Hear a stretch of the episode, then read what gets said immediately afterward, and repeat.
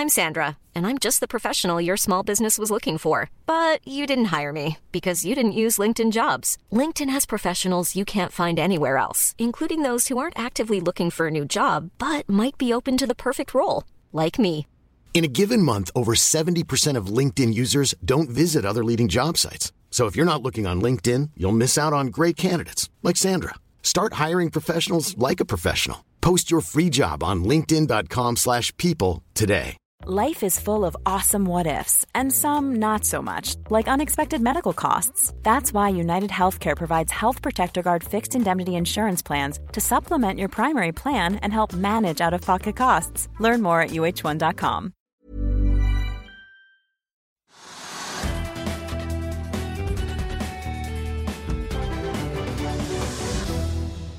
Velkommen til Økonominyhetene. Vi er tilbake etter juleferien og starter det nye året med hva som har skjedd på Oslo Børs. Vi har en svak oppgang opp 0,2 Ja, det, og ingen store utslag på oljeprisen. nei, det, er, eh, altså, det, det som er viktig å si, er at den siste dagen før nyttår, siste børsdagen, så var det jo all time high.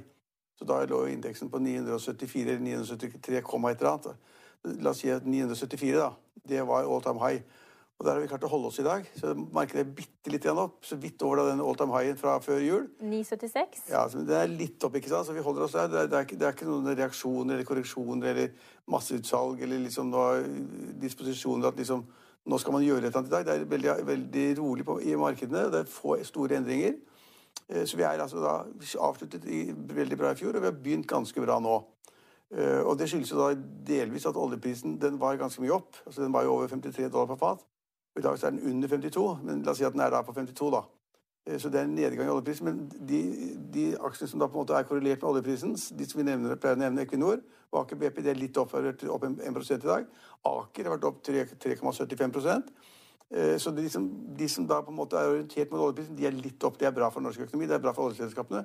Og det er bra for de selskapene som da er korrelert med, med, med, med leting etter olje og drilling og hva det måtte være. til at En bitte liten positiv oppgang. Og børsen var da jeg så på det sist, så var børsen opp 0,2 eller 0,3 Eh, Og jeg syns det er en ganske bra start på året, for det er, ikke- ja, det er ikke kommet noen negative ting, og heller ingen positive ting. Nei, for det, det er jo litt morsomt at du sier, for vi, i går så fikk vi litt overraskende nok en oppdatering da fra regjeringen hvor de strammer kraftig til de neste to ukene i lys av koronasituasjonen i Norge. Og vi vet at koronasituasjonen der ute ikke ser spesielt lys ut akkurat nå, den heller. Nei, nå er det jo veldig, altså de, de utsiktene vi har i utlandet, altså hvis man ser på nyhetsmeldingene fra USA, eller fra Japan, eller fra andre europeiske land, så er det på en måte en total lockdown. Eh, Og det er krise, og sykehusene er fulle, de har ikke sengekapasitet, de har ikke oksygenkapasitet. Altså det er krise på sykehus i verden rundt. Fordi at man har da, hvis det kommer da noen som har hjertesykdommer eller lungesykdommer eller andre typer sykdommer, så det, har man- ikke plass til disse vanlige sykdommene, for alt er da opptatt av da eh, koronautbruddene. Og det er ganske alvorlig. Altså I Amerika har jo 20, 20 millioner smittede og 350 000 døde eller sånn nå. Så det, og, og sånn er det mange steder. Så det er, det er katastrofe mange steder, enten det er Italia eller Danmark eller Japan eller USA. Det er krise. Og det er, når den norske regjeringen nå ser at de kom plutselig på oss igjen, altså at utbruddene økte istedenfor å gå ned, så har de sagt at nå må vi bare stenge ned. Og så er det kjempevanskelig. og det er liksom, Du kan nesten ikke være sammen med familien din engang. Liksom, Man skal se en fremmed person i uka osv. Og, så videre. og alle, alle hjemmekontor skal være hjemmekontorer hvis det i det hele tatt er mulig, osv. Så at nå stenger vi ned i Norge i 14 dager. For Den eneste måten å få da smitten ned på, er jo at man ikke er sammen med noen andre. Man kan ikke bli smittet hvis man ikke møter noen. Altså Hvis alle sitter, sitter på hvert sitt rom og, og er alene i 14 dager, så er krisen over i Norge også. Men så lett er det jo ikke. og Derfor så får vi da fortsatt så er det problemer i utlandet. Det sinker den økonomiske veksten. Det får veksten ned. Det skaper store problemer. Norsk økonomi kommer til å komme på fot igjen senere sannsynligvis enn vi trodde, bare for en måned eller to siden. Så det er negativt. Og det, det, det påvirker masse. Men det positive er at vi i romjulen så at disse vaksinasjons... Eller vaksinen ankom Norge. Vi vet at det kommer nå nye vaksiner hver uke til landet. Masse kommer. Men, kommer. men likevel så, så man jo at det stilles en del spørsmål rundt vaksinasjonen, om den skjer raskt nok, om man får tilgang på vaksiner raskt nok. Og Hvis du ser på f.eks. land som Israel og Storbritannia, så har jo de vaksinert Israel. og vaksinert en million mennesker allerede.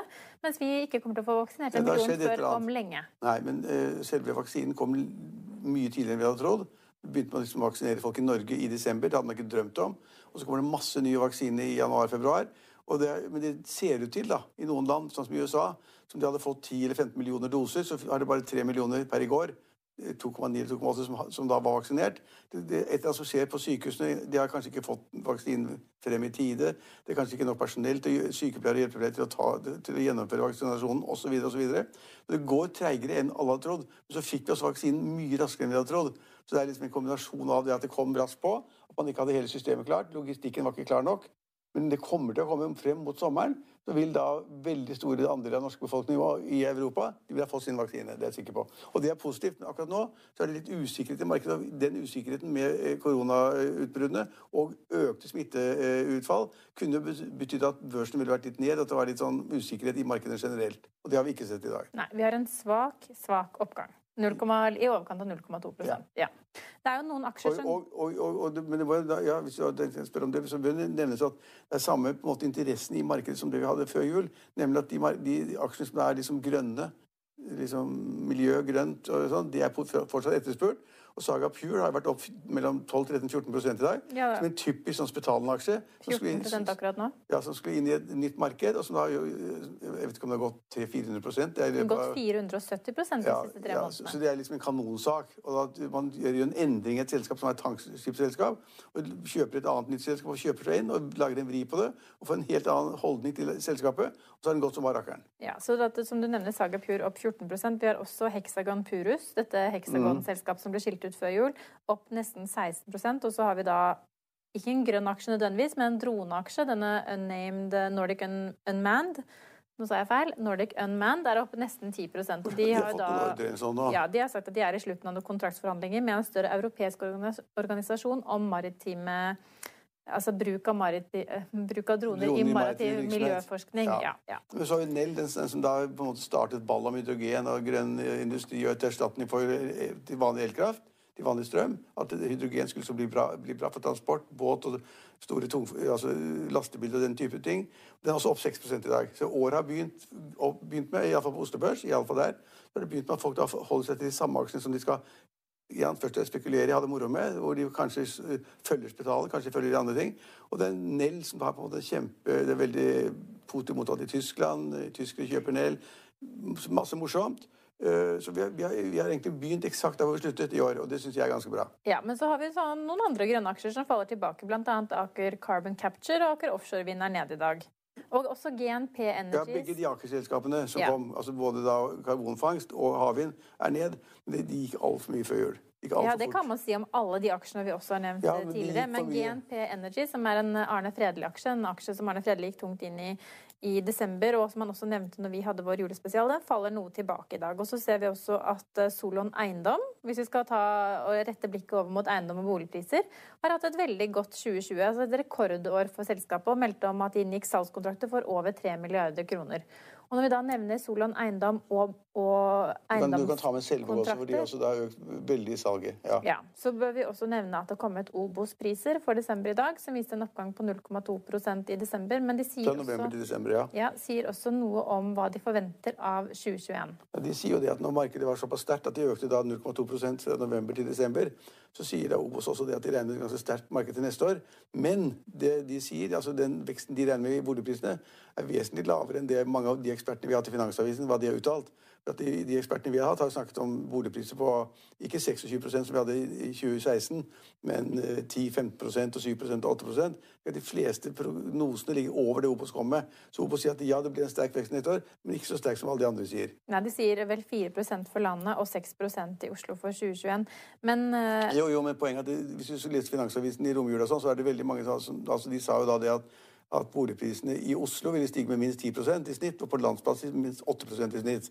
Så kommer da Obos vesentlig lavere enn det. Ja, og Terje Tinholt, som også var med på en av våre julepodkaster, han spådde jo full fyr i boligmarkedet i 2021. Og det blir jo spennende å se hvem som får rett. Ja. Men en liten morsomhet er jo, eller om det ikke er så morsomt, så er det i hvert fall interessant å se at gjennomsnittsboligen til Obos koster nå 70 000, kanskje? Ja, nesten 70 000 per ja. kvadratmeter. 69 500 kroner per kvadratmeter. Faen, det var nesten midt i blinken med en gang. Ja. ja. Og det er jo for Obos-leiligheter. Er det overraskende at vi har fått så høy kvadratmeterpris på Obos-leiligheter nå? Var, før så lå prisgapet mye større mellom det er et godt spørsmål. Det har jeg ikke svar på, for jeg har ikke kjøpt en Obos-leilighet. Men, men, men, når markedet er såpass altså, tøft som det er, og prisen stiger såpass mye, så er det ikke noe rart at Obos stiger også. Og Jeg vil tippe det at det som i gamle dager mente at det var en dårlig Obos-kvalitet, er blitt mye bedre, tipper jeg. fordi at Obos-leiligheten er sikkert bedre, mer, altså kvaliteten er høyere. Og så er markedet opp, og da, når Obos da kommer i 70, så kommer da La oss si på Oslo Frogner, som du bor, så vil jo da kanskje kvadratmeterprisen være 80 000-90 000 per kvadratmeter. Fordi at Obos er liksom i snitt er gått opp til 70 Ja, Hvis du får en Frogner-leilighet til 80 000-90 000 kroner per kvadratmeter, så har du gjort et godt kjøp. Er det et godt kjøp, det? har du prøvd å selge det inn? Nei, ikke akkurat nå. Ligger, ligger ikke, ligger jeg tror du skal, jeg tror det ligger over 100? Kanskje gjennomsnittmessig så kan du få ned mot, men jeg tror at den ligger nok litt høyere enn 80 000 per ja, kvadratmeter på Frogner. Men, men, mitt poeng er bare det at hvis Obos nå ligger på 70 000 per kvadratmeter i snitt, så drar det markedet opp, det også. Ja. Vi kan ta med at Yara har solgt en eierandel i gjødselselskapet Lifeco og venter å bokføre en mindre gevinst, og det sender aksjen opp 2 i dag. Er det noen flere aksjer som benevnes før vi Vi kan ta med Tinnfilm, også en fin oppgang om i dag. 7,5% Der har administrerende direktør eh, sendt inn en skriftlig forespørsel om å utøve tegningsretter. Ja, nei, altså, nei dere kan ta flere aksjer på den første dagen. Det er avventende marked. og er liksom, Oljeprisen er litt usikker. altså Den har vært over 53 dollar per fat. og Det er fordi at da OPEC-landet og Russland og disse forhandler nå om i hvilken grad man skal holde produksjonen nede fortsatt.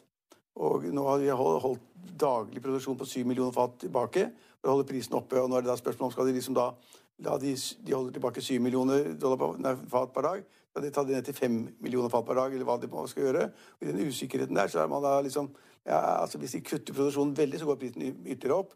Hvis de da på en måte ikke kutter så mye, la, oss si at de bare ja, kutter 5 millioner fat istedenfor 10 millioner eller 7 millioner fat, så vil det endre prisen med en gang. Det er en stor usikkerhet, og den oppgangen til 53 dollar på fat ned til 52 den er akkurat fordi man ikke vet hva som skjer. Det kommer nå I løpet av de kommende ukene så blir det møter i OPEC om hva de kommer til å gjøre.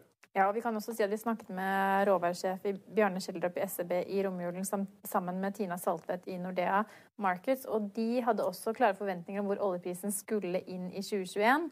Og det var ikke spesielt høye prisforventninger, det kan man ikke si. Men var, var, ikke han på 60 dollar for fatet eller sånn? Eller? Ja, det var vel mot slutten av ja, 2021. Ja. Men, eh, men, de som gikk glipp av de julesendingene, finner de fortsatt på finansavisen.no. Herlig. I'm Sandra, and I'm just the professional your small business was looking for. But you didn't hire me because you didn't use LinkedIn jobs. LinkedIn has professionals you can't find anywhere else, including those who aren't actively looking for a new job but might be open to the perfect role, like me. In a given month, over 70% of LinkedIn users don't visit other leading job sites. So if you're not looking on LinkedIn, you'll miss out on great candidates like Sandra. Start hiring professionals like a professional. Post your free job on linkedin.com/people today. I'll see you in court. Vi sier det ofte litt på spøk, men for deg som driver business, er det aldri moro å innse at du ikke har laget en 100 gyldig kontrakt. Du bør ikke risikere hele firmaet ditt fordi du synes dette med kontrakter er litt stress. En avtale er ikke en avtale. Du kan miste kunder, miste venner, ja, til og med miste inntekter om du ikke lager en skikkelig kontrakt, på alt mulig, egentlig. Men vi vet det er et styr, kopimaskiner, tregprinter og haugevis av papir. Dessuten stoler vi jo på folk her i landet. Det er ofte litt kleint å skulle be om en signatur for alt mulig, ja, for mye av styret handler også om jakten på underskriften. Det finnes en enkel måte å løse dette på, Dukkobit, en trygg, effektiv og get this, gratis måte å sikre seg en god natts søvn pluss en juridisk bindende avtale. Dukkobit-appen har de strengeste sikkerhetskrav i bunn, samt en EU-godkjent og sertifisert teknologi. Framover vil det bli behagelig å spørre du, skal vi skrive under på det, eller? Kom i gang på dokobit.no. Ja, Mias Torbjørn Bull Jensen, du er jo kryptoekspert, seniorøkonom og daglig leder i Arcane Krypto. Hyggelig å ha deg med oss etter eh, jul, første gjest ut i det nye året. Oi, hvilken ære. ja.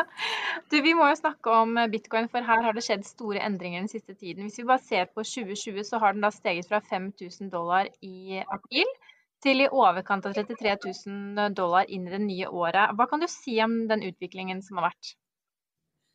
Eh, den viktigste driveren bak den utviklingen, det har vært eh, institusjonell investering i bitcoin. I kjølvannet av at koronakrisen traff eh, økonomien med full kraft, så har myndigheter satt i gang seddelpressen for å prøve å stimulere til aktivitet i økonomien. Samtidig som man har holdt på bremsen. Altså man har jo restriksjoner på reising og hva man kan gjøre. Det gjør at mange frykter inflasjon, at pengene skal tape seg i verdi. Og som gjør at investorer ser etter inflasjonssikringer eller inflasjonshedger. Tradisjonelt har dette vært gull, men et narrativ som virkelig har fått fotfeste nå i 2020, har vært at bitcoin også kan ta den rollen. Og vi har sett dette ved at det har vært en stor bølge av veldig anerkjente, tradisjonelle fondsforvaltere som har tatt betydelige posisjoner i bitcoin på slutten av året. På toppen av dette så har du jo også såkalt retail-investorer, altså vanlige investorer, som har gått inn og kjøpt bitcoin. Man skal ikke glemme at PayPal gjorde det mulig for alle sine brukere å kjøpe og selge bitcoin rett i PayPal-appen i, jeg mener å huske det var november. Ja, det, det gjør det mye lettere for mange. Ja, Eh, det siste døgnet så har vi sett en, eh, et, et, kraftig fall, hvis man kan si det. Vi har i hvert fall eh, sett at den var ned 4000 dollar fra ja, nærmere 29 000 dollar på det laveste. Nå har den vel hentet inn noe av dette fallet. Hva, hva, hva tenker du når vi ser overrasket korreksjonen der? Nei, ikke i det hele tatt. Den var veldig forventet. Jeg vil heller si at jeg var litt overrasket over hvor lenge det kraftige oppgangen vi hadde nå helt på slutten av året og starten av dette året, varte. Eh, det ble litt sånn euforisk eh, i går og de siste dagene. Og det som da skjer, er at eh, mange uvørende tradere tar belånte posisjoner og går long. Og da skal det veldig lite tilbakefall i kursen til før de da selger seg ut, blir stoppet ut. Og da får du litt sånn overdreven Da får du si, litt kraftig tilbakefall. Den type korreksjoner er helt forventet eh, når man har hatt den utviklingen man har hatt eh, gjennom denne høsten, og særlig nå på tampen av året. Men er fall som dette en kjøpsmulighet? Eh, det er jo vanskelig å vite nøyaktig hvor vi skal videre, men det ser veldig lovende ut. Det er ingenting ved dette fallet som er utløst av noe som skulle gjøre at man ble usikker på bitcoins langsiktige verdipotensial. Eh, sånn at eh, for de som har bestemt seg for å bygge en posisjon, så kan det være å utnytte denne type fall eh, til å øke beholdningen sin noe, være en god kjøpsmulighet, ja. Vi har jo snakket tidligere om at det er vanskelig for mange å forstå hvor verdien i bitcoin ligger. Altså, hvordan er det mulig å verdsette bitcoin? Man må bruke scenarioanalyser. Verdien ligger i den felles enigheten ulike aktører har om at det har verdi. Når nå institusjonelle investorer sier at de skal allokere en andel av sine penger til bitcoin, så må man gjøre regneøvelsen som er hvor mange av disse fondene tror man kommer til å ta en posisjon i bitcoin, og hvor stor tror man den posisjonen er. Man har tall på hvor mye penger som er under forvaltning, så man kan eh, da gjøre øvelser og stille seg spørsmålet hva hvis de allokerer 5% Hvilken verdi må bitcoin da ha for å kunne tilfredsstille den investoretterspørselen. Fordi det kun kan eksistere 21 millioner bitcoin, så kan du regne ut da hvilken pris hver bitcoin må ha. En veldig vanlig sammenligning som er blitt veldig populær, er å se på gull. Den totale markedsverdien av gull som jeg tror ligger vel rundt 10 eh, trilliarder dollar. Og da stilles seg spørsmålet hvor mye av den verdien eh, er det som man kan se for seg at bitcoin eh, som et type digitalt gull vil kunne ta. Og så må man si, gjøre seg opp noen meninger rundt hvilke sannsynligheter man tror at disse scenarioene vil spille seg ut. Har du gjort noen slike øvelser, eller tør du spekulere? Jeg har gjort slike øvelser, og det som er veldig klart, er at uh, jeg står fortsatt på det jeg har ment lenge, at det er et veldig binært utfall her. Enten så skal vi fortsatt veldig mye lenger opp, dvs. Si hvis bitcoin fortsetter å bli sterkere og sterkere, nettverkseffektene fortsetter uh, å øke. Eh, Eller så skal vi til et nivå som er ganske nære null. Det, Bitcoin kommer aldri til å gå helt i null. Eh, aldri si aldri, men for det finnes alltid en eller annen kjøper. Men jeg mener fortsatt det er veldig rart å se for seg at man skulle bli værende akkurat der man er i dag. Og med den nyhetsbølgen man hadde Altså det var jo først Paul Tudor Jones, veldig anerkjent maklerforvalter, som gikk ut i mai og sa at han hadde allokert en, eh, mellom 1 og 2% av fondets penger, altså et milliard dollar-fond, til bitcoin. Han var da den første fanebæreren blant de institusjonelle. Og så fikk du nå i høst en bølge med andre, med kjente navn som Druckenmiller. Du hadde BlackRock sin CEO som under boblen i 2017 kalte bitcoin et derivat av hvitvasking og pyramidespill eller noe sånt noe som gikk ut nå i november og sa at eh, bitcoin er i ferd med å kunne bli en global og anerkjent aktiva-klasse.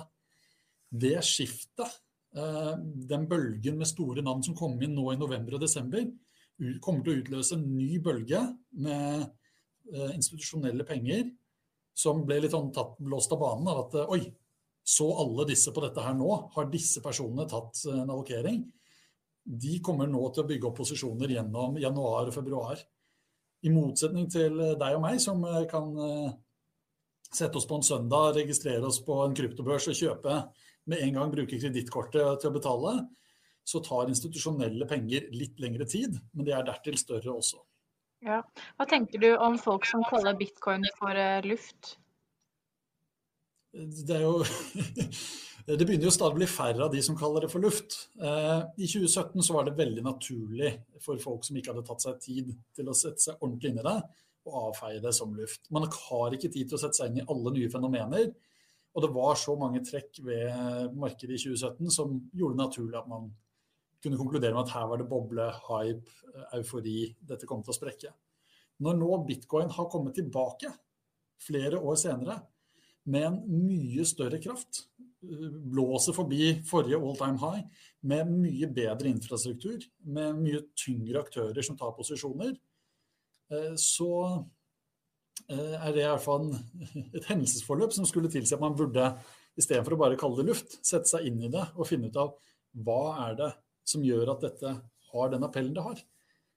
Fordi nå, nå er bitcoin tolv år, var vel i, i går. Eh, så er det tolv år siden den første bitcoin-blokken. Og når du kommer deg liksom fra en, en idé på nedpostliste for nerder til at uh, verdens største kapitalforvaltere tar betydelige posisjoner i dette, her, så er det ikke bare lufta. Men, du nevner all time high, og det er klart bitcoin er jo langt forbi det. Men så har vi Ethereum, og vi må fortsatt tilbake til 2018 for å finne all time high for den valutaen. Altså Den er da 500 dollar uh, høyere enn det, det nivået vi er på i dag. Er det et bedre kjøp enn bitcoin på dagens nivåer? Det ønsker jeg ikke å spekulere i. Det er, men det som er viktig å understreke, er at Ethereum og bitcoin er to veldig forskjellige investeringer. Eh, det er litt som å sammenligne gull og en aksje. Eh, så det kan være Og De vil ha noen drivere som er felles. Mange ser på sektoren samlet. Eh, mange som blir, tjener penger når bitcoin går opp, vil ofte si, skifte noe over til andre kryptovalutaer fordi de allerede er på plattformer hvor det er lett å, å, gjøre. Samtidig så vil det i det lange bildet og de scenarioene jeg snakket om, hvis du skal gjøre en analyse av hvilken verdi du tror er realistisk, være andre drivere av, for Ethereum-prisen enn for bitcoin. Så kan man kalle de konkurrenter, eller blir det helt feil? Det blir feil å si at de er konkurrenter, de er mye mer komplementære. Eh, det er ulike trade-offs. Bitcoin eh, har gått for å være ekstremt konservativt og veldig, veldig robust. Eh, i hele tech-plattformen sin, eh, som gjør at du kan være veldig sikker på eh, at bitcoin kommer til å være her mange mange, mange år inn i fremtiden. Ethereum har valgt en mye mer fleksibel tilnærming, hvor det gjøres mange større tekniske endringer med mye høyere frekvens. Det gjør at det er mer ustabilt, mindre egnet til å være en form for inflasjonshedge, være en form for digitalt gull. Men det gjør også at det kan serve eh, type programvare som smartkontrakter, altså automatiserte skript og sånn, som ikke bitcoin direkte støtter. Så det er ulike nisjer og komplementerende. Men altså bitcoin og Ethereum er jo definitivt de største. Er det andre du har på radaren som uh, du enten investerer i eller følger nøye med på? Eh, det er jo andre prosjekter jeg syns er spennende. Jeg vil jo da kanskje trekke fram eh, XRP, Ripple, som var, eller er vel fortsatt tredje størst, eh, som har vært den som har skilt seg ut veldig lenge ved at den har vært mye mer sentralisert. Og rett før jul så gikk da SSI, amerikanske finansmyndigheter, ut og har nå tatt ut en sak mot Ripple, som da har solgt XRP-tokens til vanlige investorer hvor SSI mener at dette har vært et ulovlig salg av eh, securities til retail-investorer. Og nå kommer den sentraliseringen som mange har kritisert Ripple for, eh, men som man liksom ikke helt har sett noe effekt av i markedet. Nå spiller den seg ut. Eh, Dvs. Si kursen er jo stupt som følge av dette her. Eh, og de problemene med et sånt type sentralisert prosjekt blir mye mer synlige da. Så i, dette var ikke for å trekke fram XRP for noe som, som, som det, er, det, er, noe jeg aldri har investert i selv. Men det er noe som de advarslene man har prøvd å gi, de av oss som har vært litt sånn Her må man passe litt på. Selskapet som står bak, eier faktisk 60% av alle XRP-tokens. De advarslene har falt litt på døve ører i den fasen hvor kursen stakk i været, mange tjente penger. Problemene knyttet til sentraliseringen ikke spilte seg ut. Nå spiller de seg ut, og jeg tror markedet kommer til å lære veldig mye av uh, hva som blir konklusjonen uh, fra SECs sak mot XRP. Man, altså, hvordan påvirker kryptoboomen eh, Arcane Krypto? Eh, altså, det er jo gøy å være i en sektor som er, vokser godt, og særlig i disse tider hvor mange opplever stagnasjon og nedstenging og problemer med at, at ting skal gå rundt. Eh, vi er jo ikke direkte kurseksponert. Altså, vi er jo ikke et selskap som holder masse, masse kryptovaluta selv. Vi er jo ikke et fond sånn sett.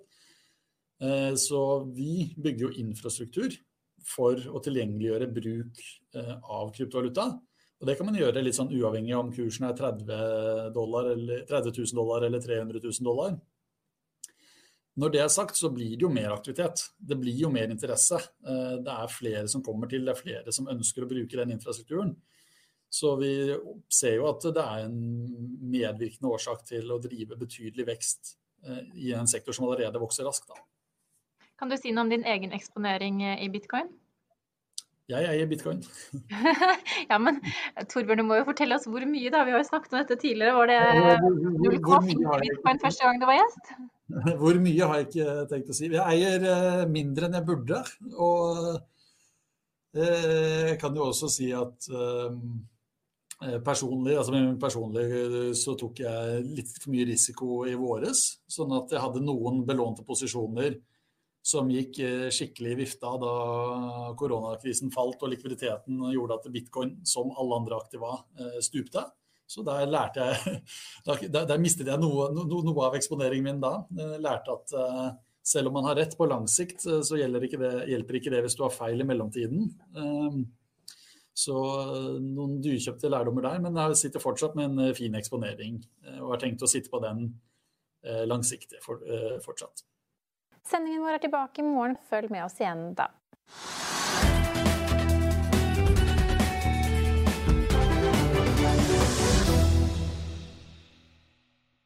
Økonominyhetene er en podkast fra Finansavisen. Programledere er Marius Lorentzen, Stein Ove Haugen og Benedikte Storm Bamvik. Produsenter er Lars Brenden Skram og Bashar Johar. Og ansvarlig redaktør er Trygve Hegnar.